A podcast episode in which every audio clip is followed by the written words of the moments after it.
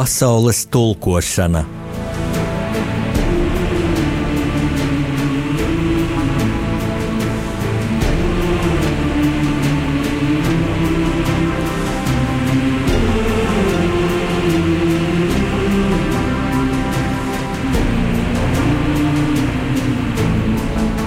Studijā rakstnieks Jānis Udris.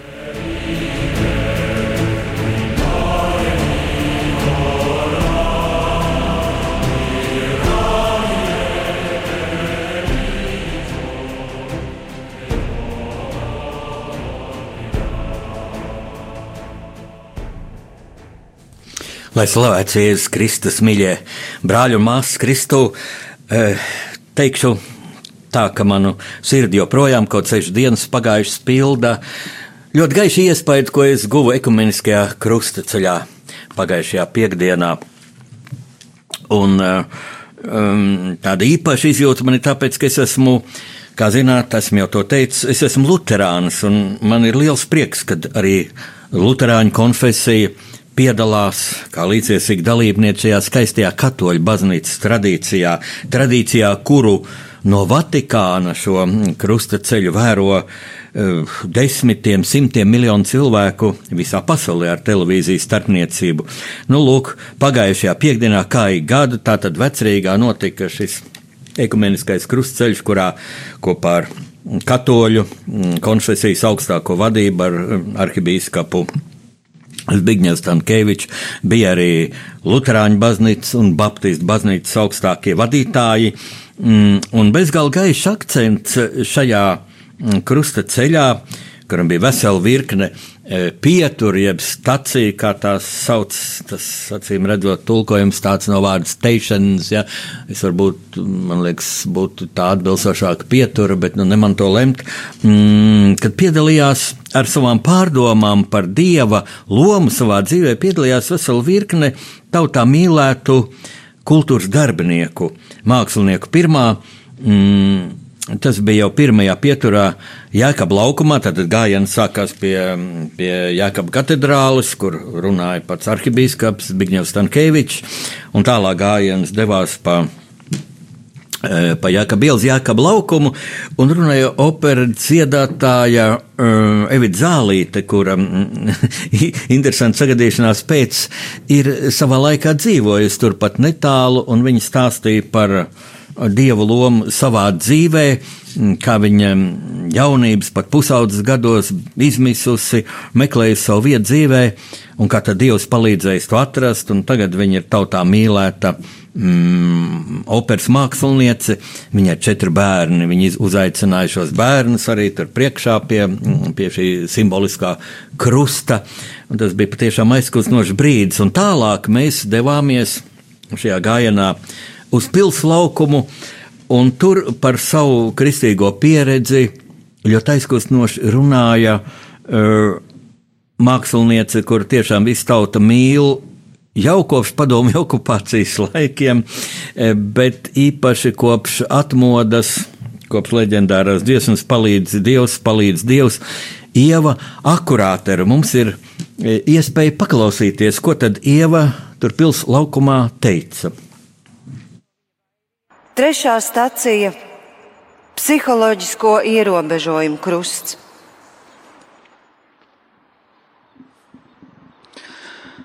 Mēs zinām, ka pasaulē ir tik svētīgi cilvēki, kuri spēja uztvert katru šīs zemes iedzīvotāju kā savu tuvāko kuri spēja pazemīgā, pazemīgās ciešanas nest ar līdzjūtību, ar žēlsirdību un nevienu nevainojot, visu izturēt. Es mācos saprast, kas ir mans tuvākais, kā es varu viņam pateikties, kā es varu viņu mīlēt, un viņam palīdzēt. Pirmkārt, es gribu teikt paldies. Paldies Dievam, paldies tuvākajiem, paldies dzīvībai. Gribu pateikties tiem cilvēkiem, kuri ir izvēlējušies mani kā tuvāko savā mūžā, un ar to jau ir uzņēmušies lielu atbildību un slodzi visam savam mūžam. Un man ir jāmācās novērtēt to, ka es esmu viņu tuvākā, un visā pazemībā lūdzoties Dievam palīdzību un atbalstu, palīdzēt viņiem, šiem tuvākajiem jo tā ir vislielākā dāvana. Ir teikts, mīlēt mums sevi kā savus tuvākos. Un es uzdrošinos mācīties vārdu mans, mans Dievs, mana jūra, mans tuvākais. Nevis tādēļ, ka tas man piederētu, bet tādēļ, ka tas ir manējais. Viņš ir man tuvs, manā sirdī un es gribu viņu mīlēt visā pazemībā, nest savu krustu visu savu mūžu laikā. Un tad es sevi rāju, kādreiz es uzņemos palīdzēt tuvākajiem, un tad pati gāžos, cik man ir grūti un kā esmu nogurusi, un tad sarāju sevi un saku, ja tu esi izlēmusi un sapratusi, ka tev jāpalīdz, tad Dievs māca pazemībā. To visu izdarīt viegli un ar prieku, un pēkšņi es to visu varu. Tāpēc, ka pazemība man nes uz saviem spārniem, un es neesmu viena. Kristus man palīdz to visu darīt. Un es ļoti pateicos savai vecmāmiņai, kas man agrā bērnībā, mana tuvākā, mana mīļā vecmāmiņa, viņa pateica, kas ir tas mīlestības kamolīts manā sirdī, ka tas ir Dievs. Un es gribu nest Jēzus Kristus krustu, lasot psalmus un bībeli. Es lasu, ka mums ir jāpalīdz viņam nest krustu. Mēs šodien nesam. Un sākumā, kad tu pieeji pirmo reizi pie tās domas, nest krustu līdz ar Jēzu, liekas kaut kas tik sarežģīts un grūts, bet tad, kad es saprotu, ka tāpat man ir krusts, man ir grēki, kurus nes Jēzus, un vēl grūtāk būtu nepiedalīties un nebūt kopā ar viņu. Un es gribu visu savu mūžu, katru dienu palīdzēt Kristum nest mūsu visu krustus, ko mums visiem arī novēlu. Un vēl es novēlu mums visiem lielā, lielā patiesā sirds mīlestībā uz Jēzu Kristu, savu mīlestību, savu pazemību, savu krusta nešanu nolikt viņam pie kājām un sagaidīt rīt dieva gaismu no debesīm. Āmen! Mīļie kristieši, jūs dzirdējāt, ka jau bija patiešām satraukta, aizkustināta, un, un, un es varu atklāt, ka viņai arī acīs bija asaras. Mums liekas ļoti skaisti, ka gan baznīcā, gan šajā krustaceļā un vispār kristīgās eh, norisēs mm, cilvēki nekaunās, nav jākaunās par savām asarām. Es arī to esmu piedzīvojis kādā ļoti smagā dzīves brīdī, kad es jau biju izlēmis iesvētīties jau diezgan cienījamā mm, vecumā, un es biju Doma baznīcā un tieši grēksūdzē, ko mm, tobrīd pieņēma Mums daudziem pieņēma arhibīskaps Jānis Vanaks. Es jūtu, ka arī man acis aiziet postā. Tā teica savā laikā mans um, draugs Andrs Kārkliņš. Atcerieties, bija tāds uh, slavens flamenko ģitārists. Tagad jau viņš ir debesīs. Nu, šis krusta ceļš pēc tam no, no pilslaukuma devās uz Rāts laukumu, eh, kur runāja mans kolēģis, mm, rakstnieks, publicists Oto Ozols. Nu, mēs nevaram visus šos, mm, šos brīnišķīgos domgraudus atskaņot, vienkārši laika trūkst. Man ir laiks tikai nepilna stunda eh, šai rakstnieku pārunu stundai mm, pasaules tulkošana, eh, bet gribētos, jā, būt gribējies atskaņot visus, visus šos pārdomu brīžus, gan kas izskanēja pēc tam pie Pētera baznīcas, gan pēc tam gājiens devās pie brīvības pieminekļa, un tad priekšpēdējā pieturā, jeb stacijā runāja cilvēks, kur balss es gribētu šeit atskaņot. Tas bija Kaspars Zemīts, un te nu, mīļie klausītājs atzīšos, es esmu subjektīvs, jo kas par zemītes man īpaši mīļš, jo viņš ir mans. Uh, mans, uh, manas draudzes uh, loceklis, es esmu Rīgas Lutera draugs loceklis. Tepat mēs atrodamies blakus Radio Marija centram, tepat Torņkalna ielā, Torņkalna baznīcā. Un tur mēs Kasparu Zemīti ļoti bieži svētdienās, dievkalpojumos, arī citās reizēs dzirdam kā brīnišķīgu ģitāristu. Viņš arī māca bērniem ģitāras spēli. Un, uh, Bieži ir radies tāds jautājums, kā vispār dzirdot kādu ļoti talantīgu cilvēku, dziedam, spēlējam.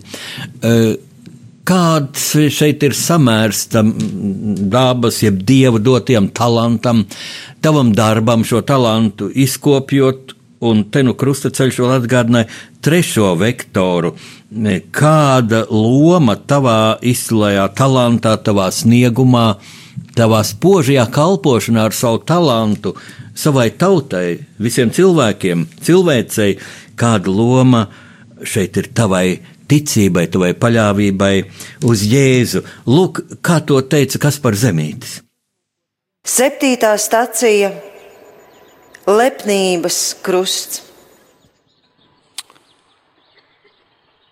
Kad es uh, nepazinu Dievu, es biju pārliecināts par to, ka mana dzīve ir atkarīga no tā, cik es būšu spēcīgs, pašpaļāvīgs, darbīgs mērķtiecīgs un ka lietas manā dzīvē notiks, izjūt no tā, cik es labi varēšu tikt galā ar situācijām, kas nāks manā ceļā. Un tikai iepazīstoties ar Dievu, ar Jēzu, es um, sapratu, ka šī mana mēraukla būs pa mazu. Manas mērauklas nepietiks, lai novērtētu ne tikai mani vai manu tuvāko, bet uh, droši vien neko no tā, kas dzīvē ir vērtīgs, draudzība, mīlestība, visu pasauli gal galā un Dievu. Un es sāku saprast to, ka stiprs ir nevis tas, kurš um, cenšas būt stiprs, bet stiprs ir tas, kurš spēj būt pazemīgs. Stiprs ir tas, kurš spēj pieņemt sevi šajā pasaulē pieņemt sevi Dieva priekšā tādu, kāds viņš ir. Un tieši stipru, nevis vāju vai salauztu cilvēku raksturo pazemība. Kad es mācos kādas notis vai sarakstu, kādu skaņdarbu, Es zinu, ka neviena no šīm notīm nav nekā vērta, ja Dievs neiemāca mani tās piepildīt. Piepildīt ar sevi, piepildīt ar to, kas ir svarīgs šai mūzikai. Un šis krusta ceļš, kam nu jau ir vairāk kā 2000 gadu, mūs noteikti kaut ko māca. Un mums ir liels vilinājums šo mācību pārvērst par uh, tādu ērtu mācību par to, kā man kļūt nedaudz labākam, vai kā man sevi labāk izzināt. Bet, manuprāt, tā mums māca vienkārši celties un kalpot. Kalpot savam tuvākajam, kalpot savai draudzēji, savai ģimenei, savai valstī un savu lepnību pienaglot pie šī krusta.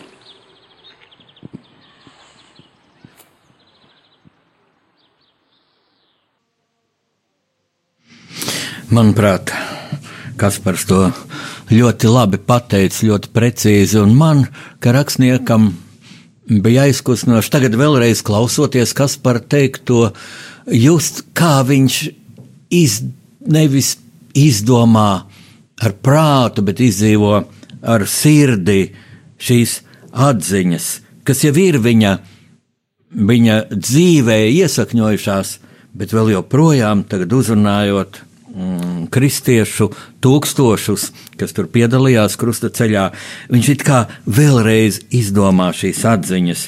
Nu, un tad no Basteikala, no šīs priekšpēdējās piestātnes, mm, mūsu gājiens devās uz noslēguma domu laukumā, kur šo noslēguma rituālu vadīja Lutāņu baznīcas arhibīskaps Jānis Vanaks, un bija ļoti aizkustinoši, ka pēc tam jau pēdējos noslēguma vārdus teica kardināls Pujāts, kas ir tā augstākā mm, katoļu garīdzniecības titula nesēja šobrīd Latvijā.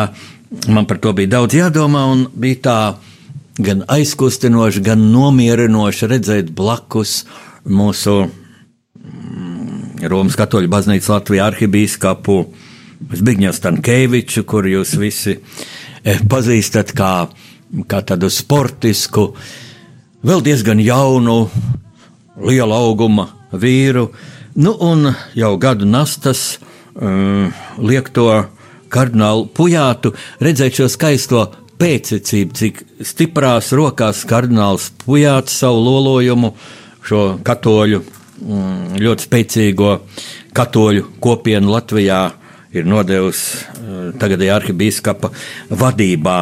Par to es gribu vēl runāt uh, savu raidījumu turpinājumā, bet tagad es lūkšu Gintaru, kas brīnišķīgi asistēja man šeit blakus aparāta telpā, atskaņot, ja ir iespējams, ievu sakurāters dziesmu. Lūk, mēs jau dzirdam ievu.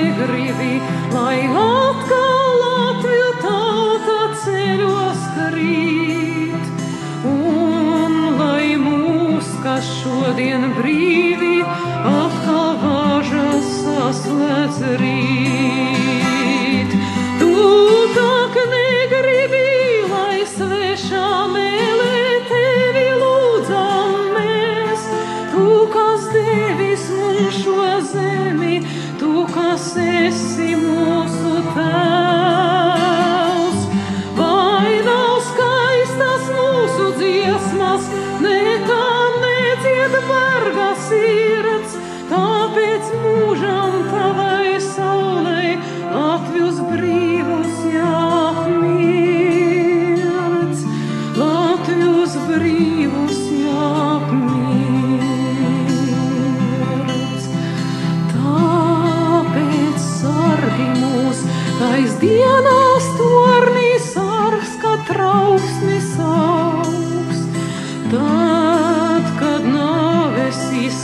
Nopļauts, drauga rokās nomiras draugs. Tad, kad svina višus pietīpolosīs latviešus un dzels. Tad, kad baltu krustu birzis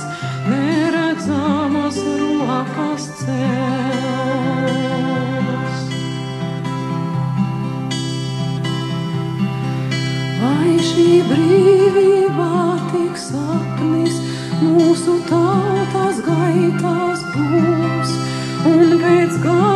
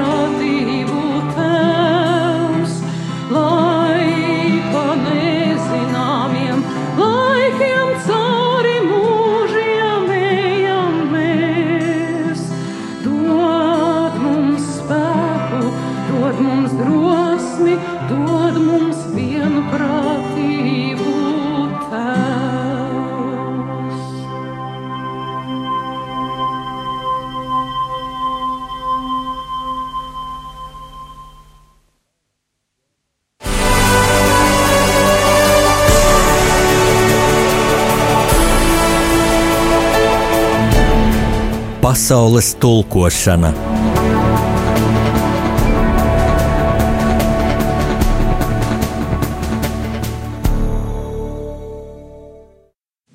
Mīļie draugi, šī gada uh, lieldienas man iesākās jau tāda lieldienu noskaņa, lieldienu pārdomas, atziņas. Man iesākās jau dažas dienas pirms lielās piekdienas, trešdienā, kad es uh, starptautisko fórumu konsorcijā, tas ir tāds um, darījuma cilvēku klubs, kurā es kā rakstnieks esmu uzņemts par godu biedru, mm, un es tur tikos līdz ar um, šī kluba biedriem ar arhibīskapu Zbigņevu Stankēviču. Viņa ekscelence Stankēvičs bija uzaicināts līdzīgi kā ir šī kluba tradīcijās. Katru trešdienu viņa pulcēs un uzaicina kādu nu, ievērojumu cilvēku, kam ir ko teikt sabiedrībai, mm, jo šie kluba biedri, tie ir eh, cilvēki, kas nodarbojas ar uzņēmēju darbību, no kuriem lielā mērā ir atkarīga Latvijas mm, ekonomika, bet cilvēki, kuri meklē arī tādu ētisko pamatu savai darbībai, savai vērtības sistēmai. Un katrā ziņā e, gaiši, godprātīgi cilvēki, tāpēc arī arhibīskaps tur bija atnācis. Un, nu, pirmkārt, e, lielu iespaidu uz mums visiem atstāja um, arhibīskapa ārkārtīgi apjomīgais priekšlasījums par kristīgajām vērtībām, par kristīgo pasaules uzskatu un vērtības sistēmu, ko arhibīskaps iekļāva kā viņš bija lūgts runāt pusstundu, un nu, burtisku sekundi pusstunda tā arī bija. Nu, es eh, personīgi arhibīskapu esmu dzirdējis. Nereizi vien, tāpat kā jūs, mīļie klausītāji, bet nu, eh, katru reizi man pārsteidz tas, cik koncentrēti, cik, eh, cik trāpīgi mm, arhibīskaps pauž savu domu. Uh, Nu, var, droši vien tas ir ne bez dieva palīdzības, bet nemazāk interesanta bija pēc tam domu apmaiņa, arhibīskapa atbildes uz jautājumiem, un uh, es uh, uzdevu pirmais jautājumu, proti, kā arhibīskaps Stankēvičs raugās uz šo ekumēnisko uh, sadarbību, sadraudzību un pat brālību, kā jau teicu, mm, starp uh, dažādām kristiešu konfesijām. Šo fenomenu, kas pēc pāris dienām atkal kārtējo reizi, kārtējo gadu apliecinājās mm, ekumeniskajā krusta ceļā Un es arī e, tā vaicājot arhibīskapam, pēkšņi iedomājos, varbūt es tagad prasu tā mm, muļķīgi. E, var jau būt, ka es esmu kaut kur palaidis garām, ka tas arī citās valstīs tā notiek, un tad es ar arhibīskapam teicu, ja es kļūdos, tad lūdzu palabojiet mani un atvainojiet. Un tad arhibīskaps mums visiem par lielu gandriem teica, jā, ka tas ir tāds Latvijas fenomens, ka citur tā nav. Un mēs arī eh, zinām, eh, es zinu no savu vecāku nostāstiem, ka Nevienmēr tas bija tā Latvijā, jo starp reliģiskajām, starp kristīgajām konfesijām pastāvēja mm, diezgan liela konkurence, ja, un tāda katrs tā gribēja, lai cilvēki iesaistās viņa Ehm, viņa konfesijā, katras konfesijas vadītāji un, un, un garīdznieki, priesteri to gribēja. Un tagad es vairoju tādu patiešām nesamākslot, neviltotu brālību, eh, toleranci Un, kad arhibīskaps minēja šo fenomenu, viņš arī atsaucās uz um, Vatikāna sekretāru neseno vizīti Latvijā, kad arī šis augstais garīdznieks, kas ir, kā arhibīskaps paskaidroja, man nebija īsti skaidrs, kāds ir šī, mm, šī amata svars Vatikānā, jo Vatikāns ir arī e, valsts, valsts um, pasaules mazākā valstiņa, kas atrodas Romā, Romas teritorijā, bet tā ir valsts. Lūk, un arhibīskaps to salīdzināja, ka tas būtu Vatikāna sekretārs, būtu nu, tā kā mm, citās valstīs ir valdības vadītājs, ministra prezidents, un ka, lūk, Vatikāna sekretārs uz, uzsvērs, ka tas ir tāds Latvijas fenomens, un acīm redzot, Latvija ar šo piemēru um, rāda, rāda ceļu citām kristiešu valstīm, cit, visai kristiešu pasaulē, ja tas ir tāds Latvijas fenomens. Un šeit man bija jādomā tālāk par, par paša mūsu katoļu baznīcas eh, galvas, arhibīskapa eh, fenomenu nopelnu. Protams, tas nesākās tikai ar arhibīskapu Stankēviču, bet tagad manā iespējā arī tādēļ, ka ļoti strauji ir pieauguši šie draudi kristiešu pasaulē, Eiropas kristīgajām vērtībām. Ar šo islāma fundamentālistu izvērsto terorismu karu, būtībā trešo pasaules karu, un cilvēki lūk apzinās, ka mums kristiešiem ir jāsakļaujas, jo katoļi, luterāņi, baptisti, e, pareizticīgo baznīca, mēs taču aizstāvam vienas, vienotas kristīgās vērtības. Atšķirīgi ir tikai rituāli, atšķirīgi ir forma, un tas ļoti loģiski, šī ekumeniskā brālība un cik lieliski, ka Latvijas kristieši rāda tātad pasaulē paraugu. Es domāju, es esmu pārliecināts, ka šī informācija tagad ir ļoti uh, detalizēta un autoritatīva no Vatikāna sekretāra nodota um, visaugstākajam um, katoļu baznīcas vadītājam, pāvestam. Un ka viņš to attiecīgi novērtēs. Un tad man radās tāds jautājums, ko es uzdevu jau teidzerot ar arhibīskapu. Man radās jautājums, kāds ir šis mehānisms, kā tiek izraudzīti kardināli un kā tiek apstiprināti. Es atceros, pirms daudziem gadiem, kā um, toreizējais Latvijas Romas katoļu baznīcas Latvijā vadītājs um, arī bīskaps Pujāts tika apstiprināts par kardinālu cik mēs bijām saviļņoti un laimīgi. Un tagad es iedomājos, cik skaisti būtu, ka arī pašreizējais eh, katoļu baznīcas vadītājs, arhibīskaps Stankēvičs, lūk, iegūt šo kardinālu rangu. Un man uz to pamudināja tāds mazliet komisks gadījums. E, šī tikšanās starptautisko fórumu konsorcijā izvērsās ļoti tāda sirsnīga, un turpat kāds no uzņēmējiem profesors, gudrs teikt, cilvēks, arī runāja par šiem uh, pavisam nesenajiem terorismu upuriem, un, un tā ļoti emocionāli prasīja arhibīskapa viedokli un pat ierosināja piecelties un, un godināt šo mm, terorisma upuru piemiņu. Nu, tas, ka noticis citās valstīs šie upuri, bet nu, ļoti tuvu Latvijai, Zviedrijā, jābūt gataviem jebkurā valstī, kad var šādu upuri būt. Un tad arhibīskaps noturēja nelielu aizliegumu, aizlūgumu. Tas bija ļoti aizkustinoši. Un pēc tam e, vārdu ņēma vēl arhibīskapam klātesot kāda jauna mm, dāma, tādā aizkustinošā sirsnībā lūdzot šo mm, uzņēmēju, šo lietišķo cilvēku atbalstu viņas projektam, proti, viņa uh, veido grāmatu par uh, cimdu jetiņu. Šis jēdziens būs uh, pazīstams, vai vismaz tagad atsauks, atnāks atmiņā. Manas paudzes cilvēkiem jaunieši to var nezināt, bet šī cimdu jetiņa bija ļoti gaiša latviete, kura kopš bērnības bija paralizēta. Un viņa atrada savu dzīves piepildījumu, sēžot ratiņkrēslā, tādā veidā, ka adīja ļoti skaistus rakstainus cimdus, gan ar tautiskiem rakstiem, gan ar tādām saviem iztēles elementiem. Un būtībā viņa kļuva par tādu nācijas dārgumu ar šo tautas daļu, eh, tautas talanta, nu, augstāko, demo, augstākā līmeņa demonstrāciju.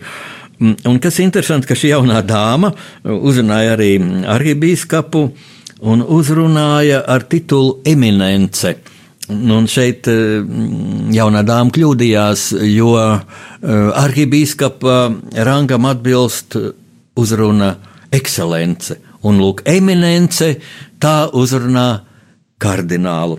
Un tad es prasīju viņa ekscelencei, arhibīskapam Stankēvičam, kā tas notiek. Ja man ienāca prātā, varbūt Latvijas sabiedrība, Latvijas, Latvijas kristiešu sabiedrība, nacīm radot katoļi, eh, varētu vākt parakstus vai, vai katoļu priesteri, eh, lūk, un vērsties Vatikānā ar, ar tātad, nu, priekšlikumu, ierosinājumu apspriest Latvijas arhibīskapa kandidatūru kardinālā amatam.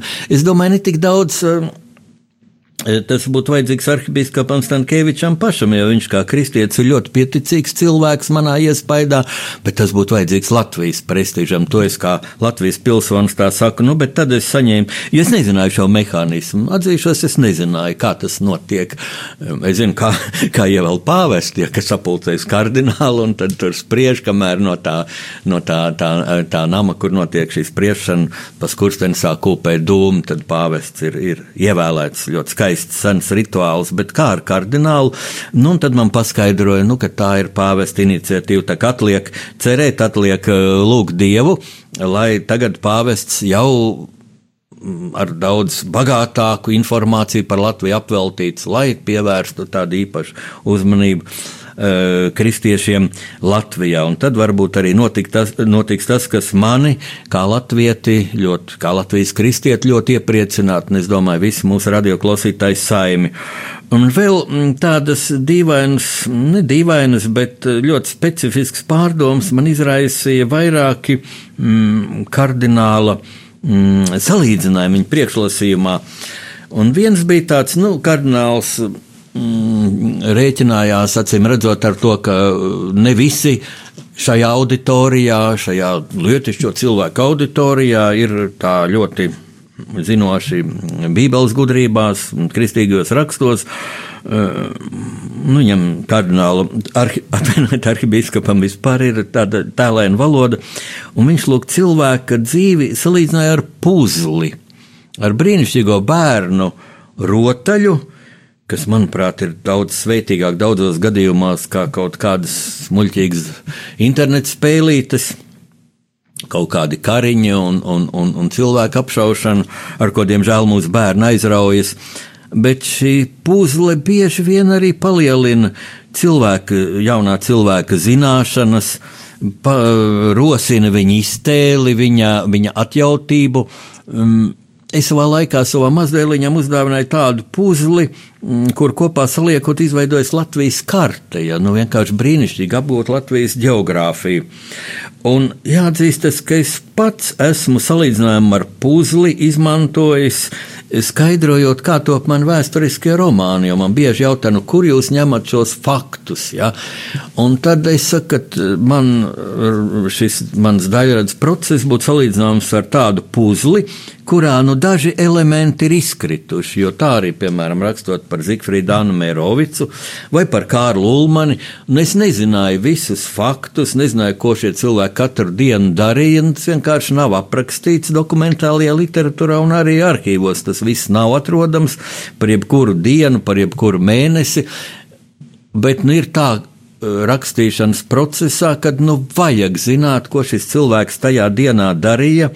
Mm, un tad es to salīdzināju ar puzli, kas saliek kopā tos elementus, kas ir, teiksim, to puzles daļu, ja, Nu, un pēkšņi vienā vietā ir balts plankums. Ja? Paliec apakšā baltu papīru, un tad lieco puzli virsū, un tur ir plankums. Bet to var aizpildīt ar kaut kādām kopsakarībām, ar loģisko domāšanu. Nu, piemēram, ja tā ir šī manas minētā puzle, Latvijas karte.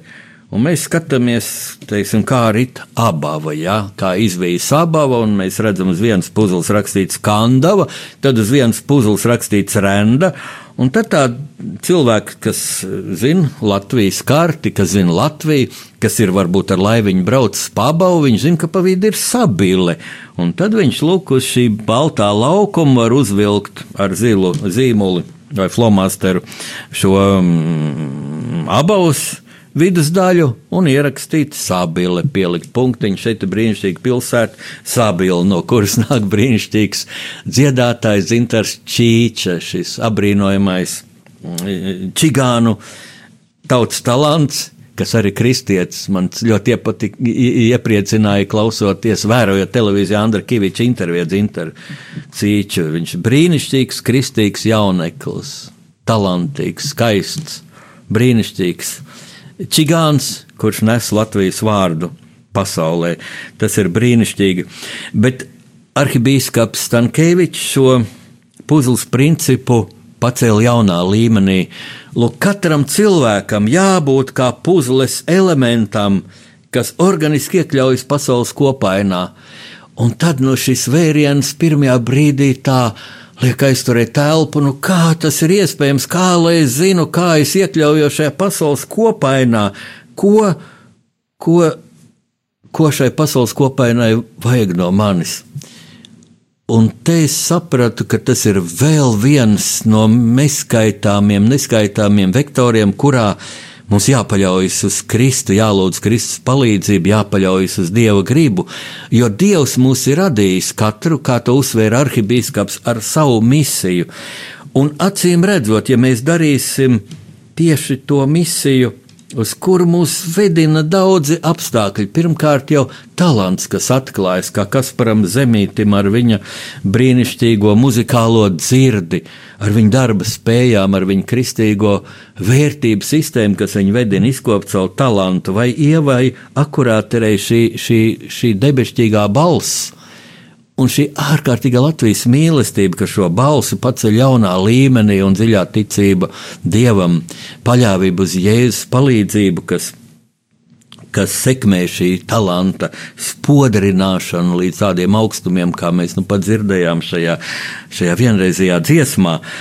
Lūk, tas arī šīs šīs sava puzles elementu piepildījums. Protams, skaista ģimene, kāda ir Kasparam. Eh, un, lūk, tas atstāja ļoti, ļoti dziļu iespaidu, un es esmu patiešām pateicīgs tādai apstākļu sakritībai, ka es dzirdēju arhibīskapa redzējumu par kristīgajām vērtībām arī tādā netradicionālā vidē. Tagad jūs būsiet jau, kā saka, atklausījušies manas pārdomas un gribēsiet paši gremdēties savās. Tikmēr, es domāju, jūs pārdomas sekmēs vēl vienu brīnišķīgu mūziku, kurā tā tad Ginters, liekas, ir izraudzījies atkal Kasparu Zemīti kopā ar ko, kopā ar Reiziju Kalniņu. Reizija Kalniņu vadīja krusta ceļa šo visu rituālu ar savu brīnišķīgu aktrisu un re režisoru talantu. Klausāmies!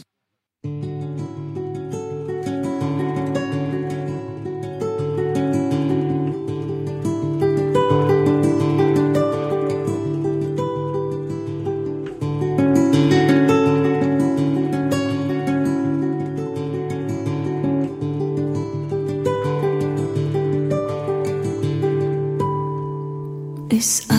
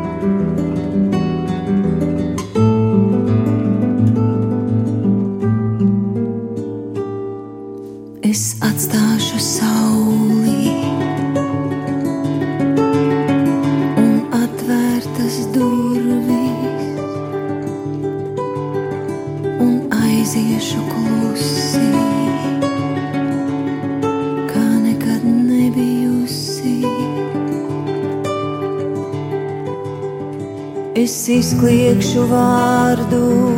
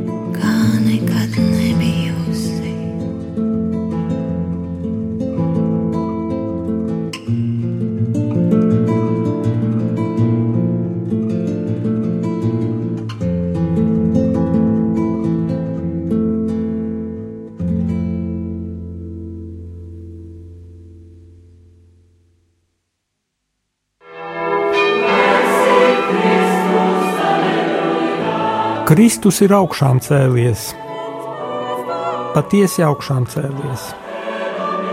Darbie radiokamā klausītāji, Rīgas arhibīskaps metropolīts Zbigņevs Stankevičs. Un es vēlos jūs apsveikt, gaišajos un priecīgajos lielienu svētkos, kad mēs svinam Kristus uzvaru pār grēku un pār nāvi.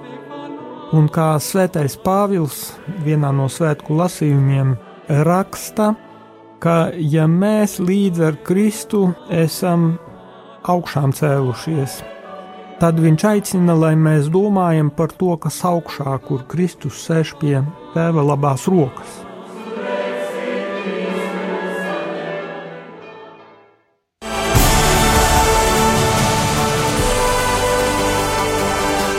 Pasaules tulkošana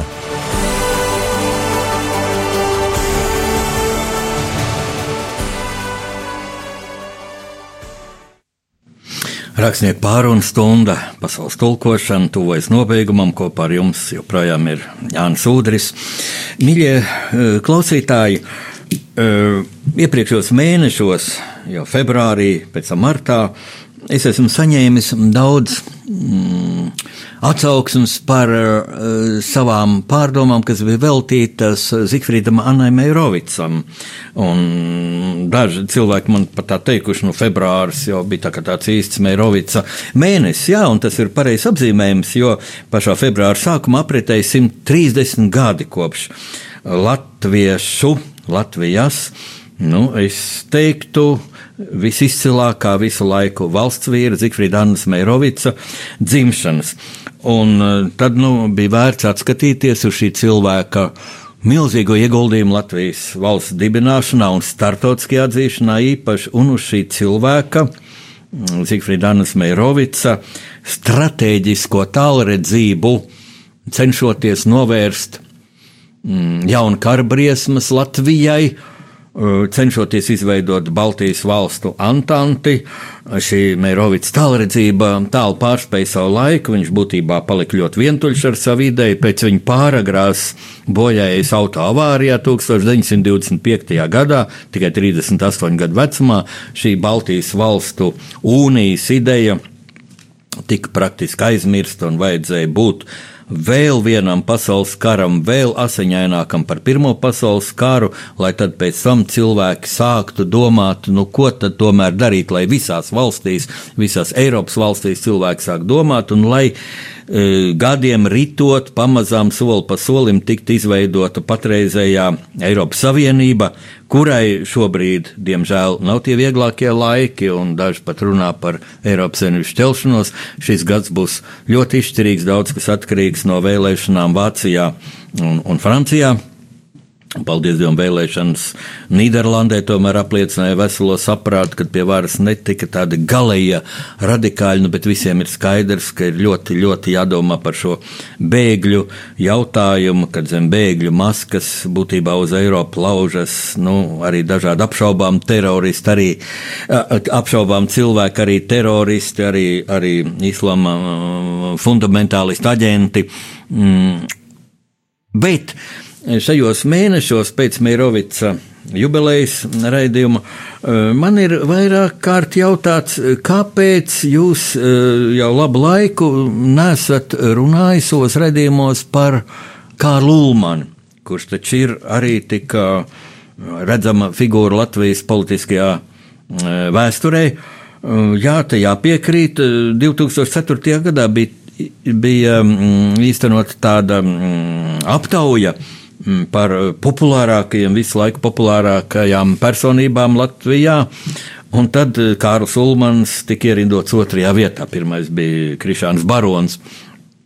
Un eh, te ir jāatbild tā, ka nu, Pirmkārt, mans romāns par Kārlu Ulmani, Ulmans Lielā Kārļa testaments, ir izdots mm, relatīvi lielā tirāžā, būtībā lielākajā, kāda šāda tipa grāmatā mēdz būt, jo uh, Pirmoreiz romāns iznāca 2010. gadā, pēc tam atkārtoti un, un tādā demokrātiskāk izdomā, mīkstos vākos, lētākā. Eh, vairāk gan tas nav veikalos pieejams, bet ir grāmatnīcās. Nu, bet, mm, ja šodien man vairs nav laika, tikai dažas minūtes raidījumā ir iedziļināties Ulmaņa tēlā, tad es gribētu lūgt, ļaut man atbildēt plašāk par Ulmaņa lomu vēsturē, Eh, kas ir ļoti pretrunīga, kas tiek vērtēta ļoti polāri. Tas ir ļoti zīmīgi, ka Ulmani tikpat kā neviens neizvērtē tā izsvērti, kā cilvēkam bija pacēlumi, dzīvē kritumi, kam ir izcili nopelni Latvijas valsts dibināšanā, kam diemžēl ir ļoti traģiska loma Latvijas valsts neatkarības zaudēšanā.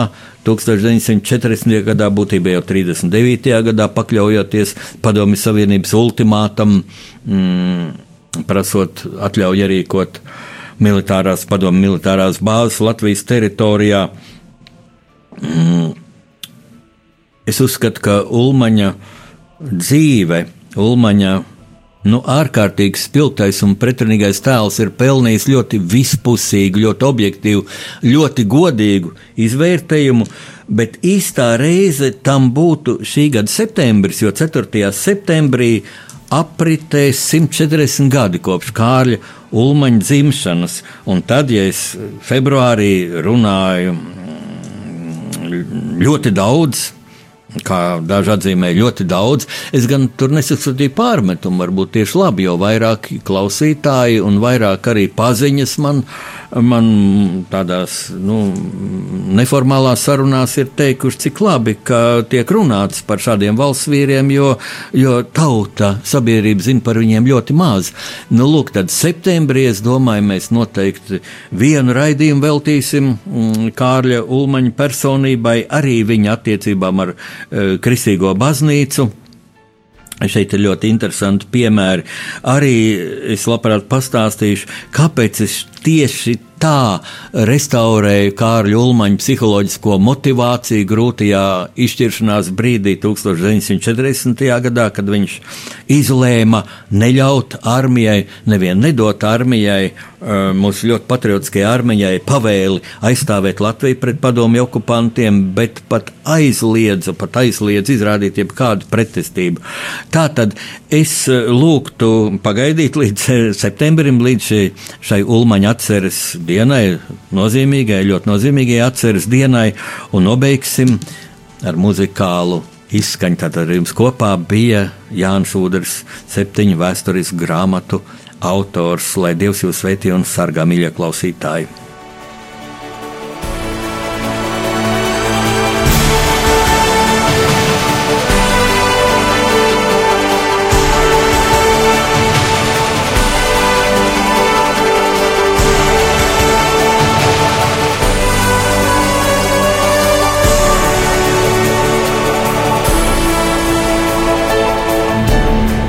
Pasaules tulkošana.